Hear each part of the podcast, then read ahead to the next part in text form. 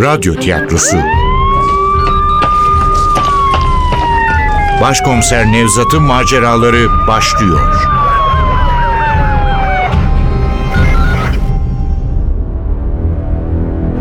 Kavim 27. Bölüm Eser Ahmet Ümit Seslendirenler Başkomiser Nevzat Nuri Gökaşan Ali Umut Tabak Zeynep Dilek Gürel Emniyet Müdürü Sabri Itri Koşar. Can Nusayir Türkgil Can Başak. Nezarethanedeki genç polis Mustafa Oral. Efektör Cengiz Saral. Ses teknisyeni Cem Kora. Yönetmen Zeynep Acan Cengiz kendinden emin, hala masum adamı oynuyor. İçini derin bir endişe kaplasa bile hiç acelesi yokmuş gibi, hayat normal yolunda akıyormuş gibi Sabri'nin karşısında oturmayı sürdürüyor. Benimle göz göze gelmemeye çalışarak ardı arkasına içkisini yudumluyor. Yudumlasın bakalım. Oyun oynayacak vaktim yok. Benim acelem var.'' Cengiz'in benden önce davranıp olaya el koymasından, Can'la otoparkçıyı korkutup ifadelerini değiştirmeye çalışmasından, delilleri karartmasından çekiniyorum. Bu yüzden Cengiz'in Sabri'yi etkilemesini göze alarak tartışmamızın üzerinden bir saat bile geçmeden izin isteyip kalkıyorum. Tahmin edilebileceği gibi Sabri ilk karşılaştığımızdaki gibi sıcak değil. Yarın görüşürüz demekle yetiniyor. Adam haklı. Oturmuş güzel güzel yemeğini yiyor. Aslarıyla sohbet ediyor. İş çıkardık başına. Hem de bütün teşkilatı ayağa kaldıracak bir iş. Neyse bu artık Sabri'nin sorunu. Polis evinden çıkar çıkmaz hızla merkeze dönüyorum. Zeynep'i laboratuvarda Gabriel'in ağız içinden DNA örneğini alırken buluyorum. Ali ise çolak otoparkçının ifadesini yazmakla meşgul. Aferin çocuklara bir dakika boş durmamışlar. Ben de aşağıya nezarethaneye iniyorum. Üç odadan biri Pakistan'dan gelen kaçak göçmenlerle, öteki asayişi bozmaktan gözaltına alınan zanlılarla dolu. Canı tek odaya koymuşlar. Sıralardan birine uzanmış üzerinde bir battaniye var. Bu Zeynep'in marifeti olmalı. Beni fark eder etmez doğrulmaya çalışıyor ama canı o kadar yanıyor ki bu işi güçlükle başarıyor. Sanki yüzü biraz daha şişmiş gibi ama gözü umutla parlıyor. Merhaba başkomiserim. Nasılsın Can? Ee, Daha iyiyim. Daha iyi. Hastanede ağrı kesici verdiler. Ve sana bir battaniye daha versinler altına serersin. Bu gece burada mı kalacağım? Öyle görünüyor Can. Ama merak etme. Yarın seninle işimiz bitmiş olur. E, benim ifademi aldılar zaten. Ve savcılık da almak isteyebilir. E, şimdi eve gitsem de yarın... Olmaz Can. Seni bırakamayız. Katil olduğunu söyleyen görgü tanıkları var. Ben suçsuzum. Öyle olduğunu bilsek bile seni bırakamayız. Ne yazık ki bu gece misafirimizsin. Hem burada kalman senin için daha iyi. Dışarısının yeterince güvenli olduğunu sanmıyorum. Yok korkacak bir şey yok. Biz sabaha kadar buradayız. Uyumaya çalış. Yarın savcılığa çıktıktan sonra her şey belli olur. Başkomiserim. Başkomiserim benim yapmadığımı anladınız değil mi? Anladık Can anladık. Hadi sen şimdi biraz uyumaya çalış. Aslında onu yukarıya odama alabilirim ama işi kitabına göre yapmak istiyorum. Hakkımda soruşturma açılırsa bu tür küçük yanlışlıklar yöneticilerin gözüne çok batar. Nezarethaneden ayrılırken nöbetçi memuru sıkıca uyarıyorum. Eğer Cengiz müdür buraya gelirse derhal beni arayacaksın. Ve bundan onun haberi olmayacak. Ben sabaha kadar odamdayım anlaşıldı mı? Anlaşıldı. Hiç merak etmeyin başkomiserim. Artık Cengiz'in gelmesini beklemekten başka yapacak iş kalmıyor. Ama Cengiz gelmiyor.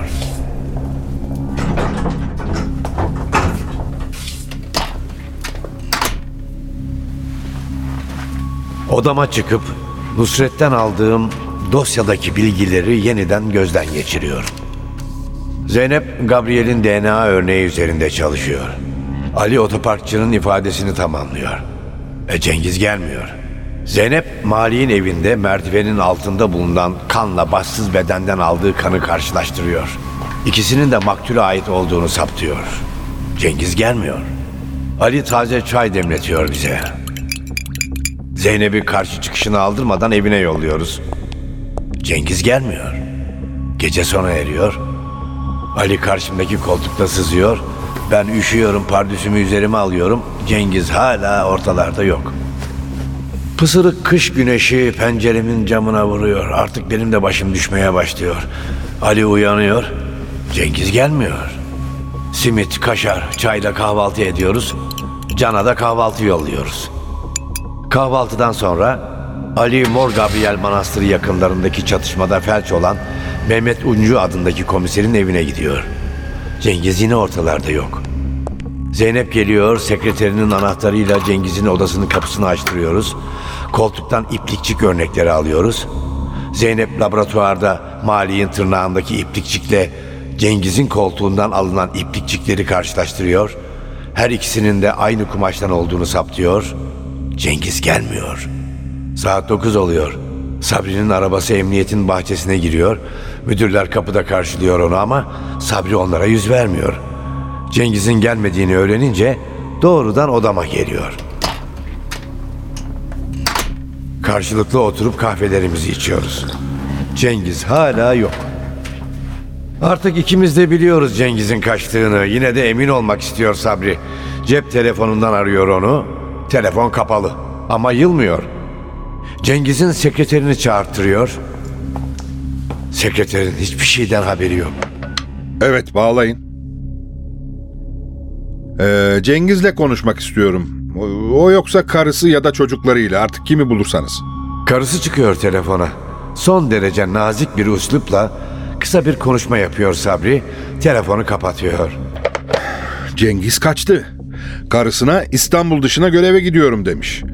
Fazla bir şey bilmiyor ki kadıncağız. Haklıymışsın Nevzat. Adam hakikaten suçlu galiba. Yani böylesi daha iyi oldu belki de Nevzat ya. Cengiz kendi ipini kendi eliyle çekti. Yani sen soruşturmanı tamamla, tanıkları, delilleri savcılığa ver. Bundan sonra mahkeme uğraşsın onunla. E artık teşkilatta hiç kimse bizi suçlayamaz. İyi de adamı kaçırdık elimizden diyecekken telefonum çalmaya başlıyor. Arayan Ali. Başkomiserim buraya gelseniz iyi olacak. Sen neredesin Ali? Mehmet Uncu'nun evinde başkomiserim. Hani şu Fatih lakaplı kötürüm komiser. Ha sahi oraya gitmiştin değil mi? Evet başkomiserim adamın evindeyim. Yoksa Başkomiserim burası çok kötü kokuyor. Adam birkaç gün önce öldürülmüş olmalı. nasıl öldürülmüş? Şu haç kabzalı bıçaklardan biriyle. Selim Uludere cinayetinde olduğu gibi. Ama bu defa katil bir darbede bitirmiş işini.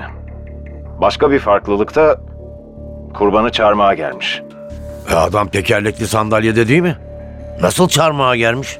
Adam hala tekerlekli sandalyede de ellerini iki yana açıp ahşaba çivilemiş. Yarım çarmıha geriliş diyebiliriz. Kutsal kitap altı kanla çizili yazılar, şu Hristiyan ritüelleri. Katil bize bir işaret, bir mesaj falan bırakmamış mı Ali? Bırakmış. Kutsal kitapta var mesajda. Hem de mesajı iki kez bırakmış. İlki kutsal kitaptaki bir satırın altını çizerek, ikincisi televizyonun camına yazarak. Çobanı vur da koyunlar darmadağın olsun diyor. Zekeriya peygamberin sözlerinden biri değil mi bu? Evet başkomiserim. Selim Uludere'nin evinde altı çizilen satırın devamında böyle yazıyordu. Zeynep'te kutsal kitap olacaktı. Gelirken o kitabı da alırsanız kontrol ederiz. Tamam Ali. Zeynep'le birlikte geliyoruz. Neler oluyor? Yeni bir cinayet mi? Cengiz'in öteki arkadaşı. Hani şu Midyat'taki çatışmada yaralanarak kötürüm kalan komiser. O da öldürülmüş. Bu da mı Cengiz'in işi? Başka kimin olacak? Sanırım onun işi. Ah ah nasıl bir olayın içine düştük böyle ya. En sağlam adamımız katil çıkıyor. Kime güveneceğimizi şaşırdık ya. Hırs insana her şeyi yaptırıyor Sabri. Cengiz'in gözü yükseklerdeydi. Öldürülen üç kişi ona ayak bağı olacak şahıslardı. Hepsini ortadan kaldırarak sorunu kökünden çözdü. Nevzat, insanın inanası gelmiyor valla. Öyle. Ben de ilk duyduğumda inanamamıştım. Neyse neyse bakalım bu çileli baş daha neler görecek. Peki Nevzat, o zaman bu iş senin üzerinde. Şu andan itibaren benim desteğim de arkanda ona göre gözünü seveyim. Bak bir an önce bu meseleyi halledelim. Tabii basının diline düşmeden. Bir an Cengiz'le konuşuyor gibi hissediyorum kendimi. O da her konuşmasının sonunda aman basın duymasın diye ikaz etmeden duramazdı. Sabri'yi arabasına bindirip gönderdikten sonra ben de Zeynep'le birlikte Mehmet Uncu'nun Seyrantepe'deki evinin yolunu tutuyorum. Ali'nin söylediği kadar var. Kapı açılır açılmaz çürümekte olan ceset kokusu çarpıyor yüzümüze. Mendillerimizle kapatıyoruz burnumuzu. Henüz Şefik'le ekibi ortalıkta yok. Çok sürmez birazdan onlar da damlar. Ali ortama alışmış. Maktulün mutfağında kendine bir kahve bile yapmış. Elindeki kupaya yadırgayarak baktığımı görüyor. Ayılmak için. Akşam doğru dürüst uyuyamadık da başkomiserim. İsterseniz size de yapayım. Aa, sağ ol ben istemem. Ben de istemem. Sen içeri nasıl girdin? Kapıcı sağ olsun yedek anahtar varmış. Ya katil nasıl girmiş? Normal yoldan başkomiserim. Yani kapıyı çalarak. Tıpkı Selim Ulu cinayetinde olduğu gibi. Ne kapı zorlanmış ne de pencereler. İçeride hiçbir boğuşma işareti yok. Yani maktul katili tanıyormuş. Maktul nerede? Salonda başkomiserim. Gelin şu koridordan geçeceğiz. Şurası yatak odası ama adam salonda yatıp kalkıyormuş. Karısı bunu terk edince iyice bırakmış kendini. Bir bizim Yusuf ziyaret ediyormuş onu bir de Cengiz müdürümüz. Bunları nasıl öğrendin? Yandaki komşuyla konuştum. Sıdıka teyze. Çok tatlı bir kadın. Konuşmaya da meraklı. Mehmet vurulmadan önce çok güzel bir evliliği varmış. Karısı Şükran Mehmet'e deli gibi aşıkmış. Ancak omuriliğini parçalayan şu kurşun Mehmet'i sadece kötürüm bırakmamış. Aynı zamanda erkekliğini de almış. Karısı Şükran bunu önemsemez görünmüş ama Mehmet önemsemiş. Hastaneden çıktıktan birkaç ay sonra saldırganlaşmaya başlamış. Adamcağız yeni durumunu kabullenememiş anlaşılan. Bir süre sonra paranoya başlamış. Çarşıya pazara giden Şükran biraz geç kalsa neredeydin sen beni aldatıyorsun demeye başlamış. Yandaki Sıdıka teyzeye göre Şükran hiçbir zaman Mehmet'i aldatmamış. Ama sen bunu Mehmet'e anlat. Bir gece tabancasını çekmiş Şükran'ı öldürmeye çalışmış. Kadın canını zor kurtarmış. Bu olay birkaç kez tekrarlanınca Şükran'ın ailesi bakmış bu adam kızlarını öldürecek, boşanma davası açmışlar. Kızlarını da bir daha Mehmet'in yanına yollamamışlar. Araya ricacılar girmiş ama Şükran kocasına dönmemiş.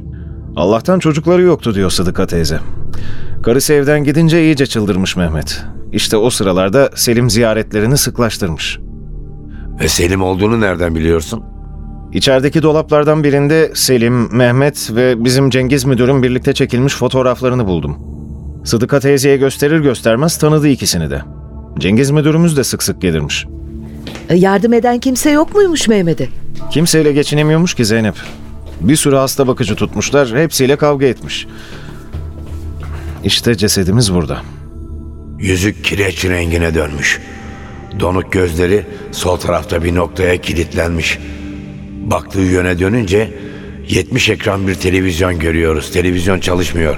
Camında kurumuş kırmızı bir sıvıyla Ali'nin telefonda okuduğu sözler yazılı. Çobanı vur da koyunlar darmadağın olsun. Yeniden cesede dönüyorum. Tekerlekli iskemlesinde oturuyor. Göğsünün sol tarafına Selim Uludere'nin cesedindekine benzer haç kabzalı bir bıçak saplı. Sarı gömleğinin sol tarafı koyu bir kırmızıyla boyanmış. Kolları uçmaya hazırlanan irice bir kuşun kanatları gibi yanları açılmış. İki iri mıhla arkadaki dolaba çakılan avuçlarında kurumuş kan lekeleri. Kitabımız da burada. Hmm, aynı satırın altını çizmiş. Çobanı vur da koyunlar darmadağın olsun. Büyük olasılıkla maktulün kanıyla. Hı? Evet. İşte Mor Gabriel yazısı da sayfanın kenarında. Gördüğünüz gibi katilimiz bütün ritüelleri yerine getirmiş. Ah, ortalık ne kadar pis. Adam buradan çıkmıyormuş galiba. Haklısın. Adam burada yaşıyormuş. Yemeğini burada pişiriyor, burada yiyormuş. Sonra da bütün gün televizyon izliyormuş. Selim'in evinde bulduğumuz mektupta oldukça aklı başında şeyler söylüyordu. Onları yazan birinin daha makul olmasını beklerdim. Ama o mektubu yazarken hastanedeymiş başkomiserim. Nereden biliyorsun? Mektupta yazıyordu. Hatırlamıyor musunuz? Hmm, mektubun bir örneğini yanıma aldım. Ne de olsa Mehmet hakkındaki tek kanıt elimizdeki mektup. Bravo Zeynep. Şunu bir de okursan hatırlamış oluruz. Ee, sevgili kardeşim nasılsın, iyi misin? İnşallah iyisindir. Beni soracak olursan her geçen gün biraz daha iyiye gidiyorum. Başıma gelenleri kabullenmeye başladım. Kabullenmek beni rahatlatıyor. Ama mektubundan anladığım kadarıyla sen pek rahat değilsin. Mektubun isyan dolu. Hastaneye ilk geldiğim günlerde ben de öyleydim. Ama sonra bunun kaderim olduğunu anladım ve Allah'a sığındım. Şimdi onun kutsal kitabını okuyorum. Onun sözlerini okumak bana huzur veriyor. İnan bana ağrılarım bile azalmaya başladı. Sen de oku. Huzuru ancak böyle bulabilirsin. İsyan etmek, küfretmek, dünyaya kızmak çözüm değil. Bu bizim kaderimiz. Üstelik bu kaderi biz seçtik. Başına gelenleri kabul et. Hastaneye gelmek istediğini yazmışsın. Bu doğru olmaz. Hmm, Buna gerek de yok. Sağ olsun Timuçin beni hiç yalnız bırakmıyor. Yapılması gereken ne varsa hepsini yapıyor. Sen kendine dikkat et yeter. Hiç değilse senin iyi olduğunu bileyim. Timuçin biraz para sorunun olduğunu söyledi. Sakın bir delilik yapma. Sakın emaneti kimseye gösterme. Yakında elime toplu para geçecek. Sana yollarım. Timuçin de bir şeyler arayacağını söylüyor. Ona kızıyormuşsun. Yanlış. Timuçin bize hep abilik yaptı. Hep iyiliğimizi istedi. Onun söylediklerini yapsaydık başımıza bunlar gelmezdi. O ikimizden de tecrübeli, ikimizden de akıllı. Onun söylediklerini dinlesen iyi olur.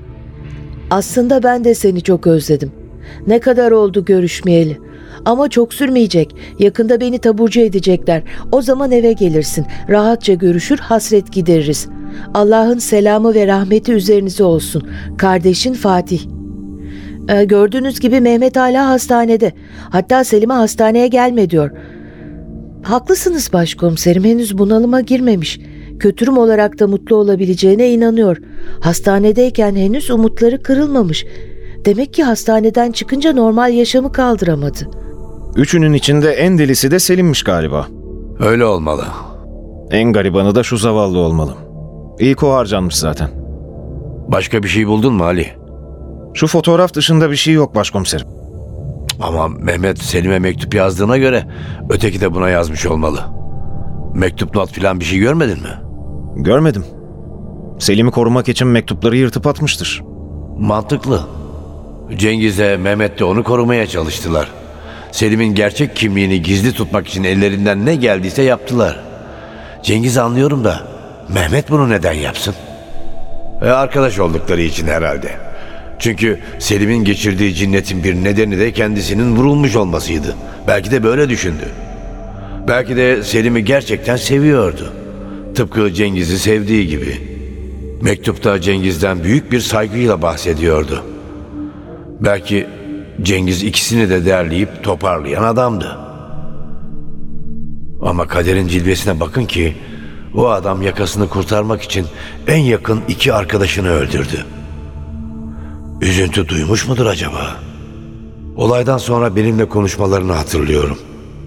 Selim'in ölümünü anlatıyordum, umursamıyordu bile. Öyle duyarsız, öyle aldırmazdı ki. Belki de rol yapıyordu. Nerede şu fotoğraf?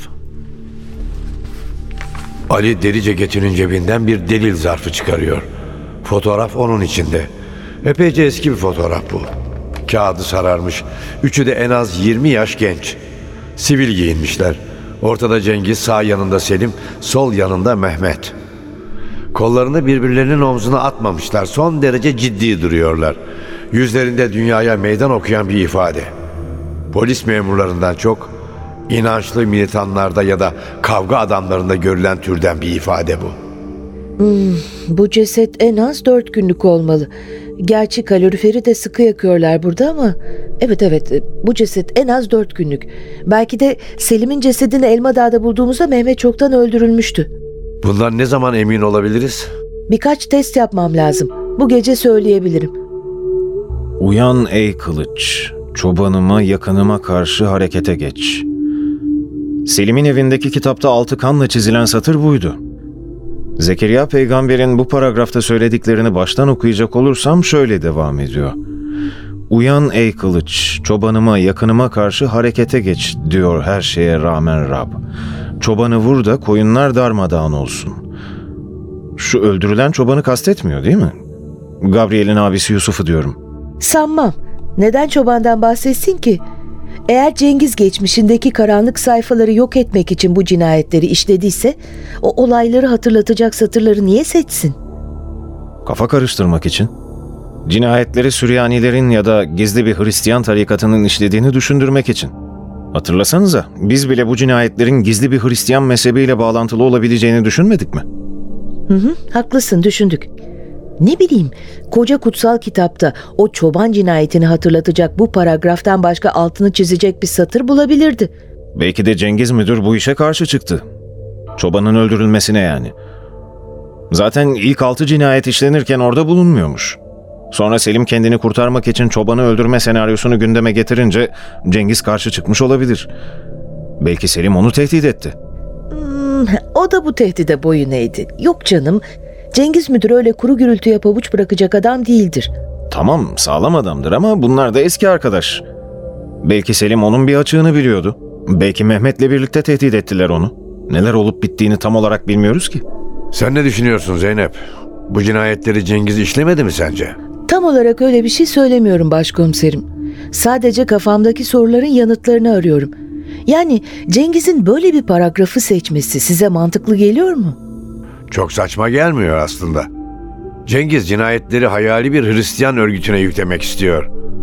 Şu günlerde Hristiyanlık üzerine filmler, romanlarda modayken böyle düşüneceğimizi biliyor. Ki Ali'nin de söylediği gibi başlarda öyle düşündük zaten. Yani siz bu işi kesinlikle Cengiz mi yaptı diyorsunuz? Mali'nin ölümünde onun parmağı olduğu kesin. Selim'le bu cinayete gelince neler olup bittiğini öğrenmeden katil odur diyemem. Ama bu üç cinayette de Cengiz'in baş zanlı olduğu gerçeğini değiştirmiyor. Kavim Eser Ahmet Ümit. Seslendirenler Başkomiser Nevzat Nuri Gökaşan Ali Umut Tabak Zeynep Dilek Gürel Emniyet Müdürü Sabri Itri Koşar Can Nusayir Türkgil Can Başak Nezarethanedeki genç polis Mustafa Oral Efektör Cengiz Saral Ses teknisyeni Cem Kora Yönetmen Zeynep Hacıhan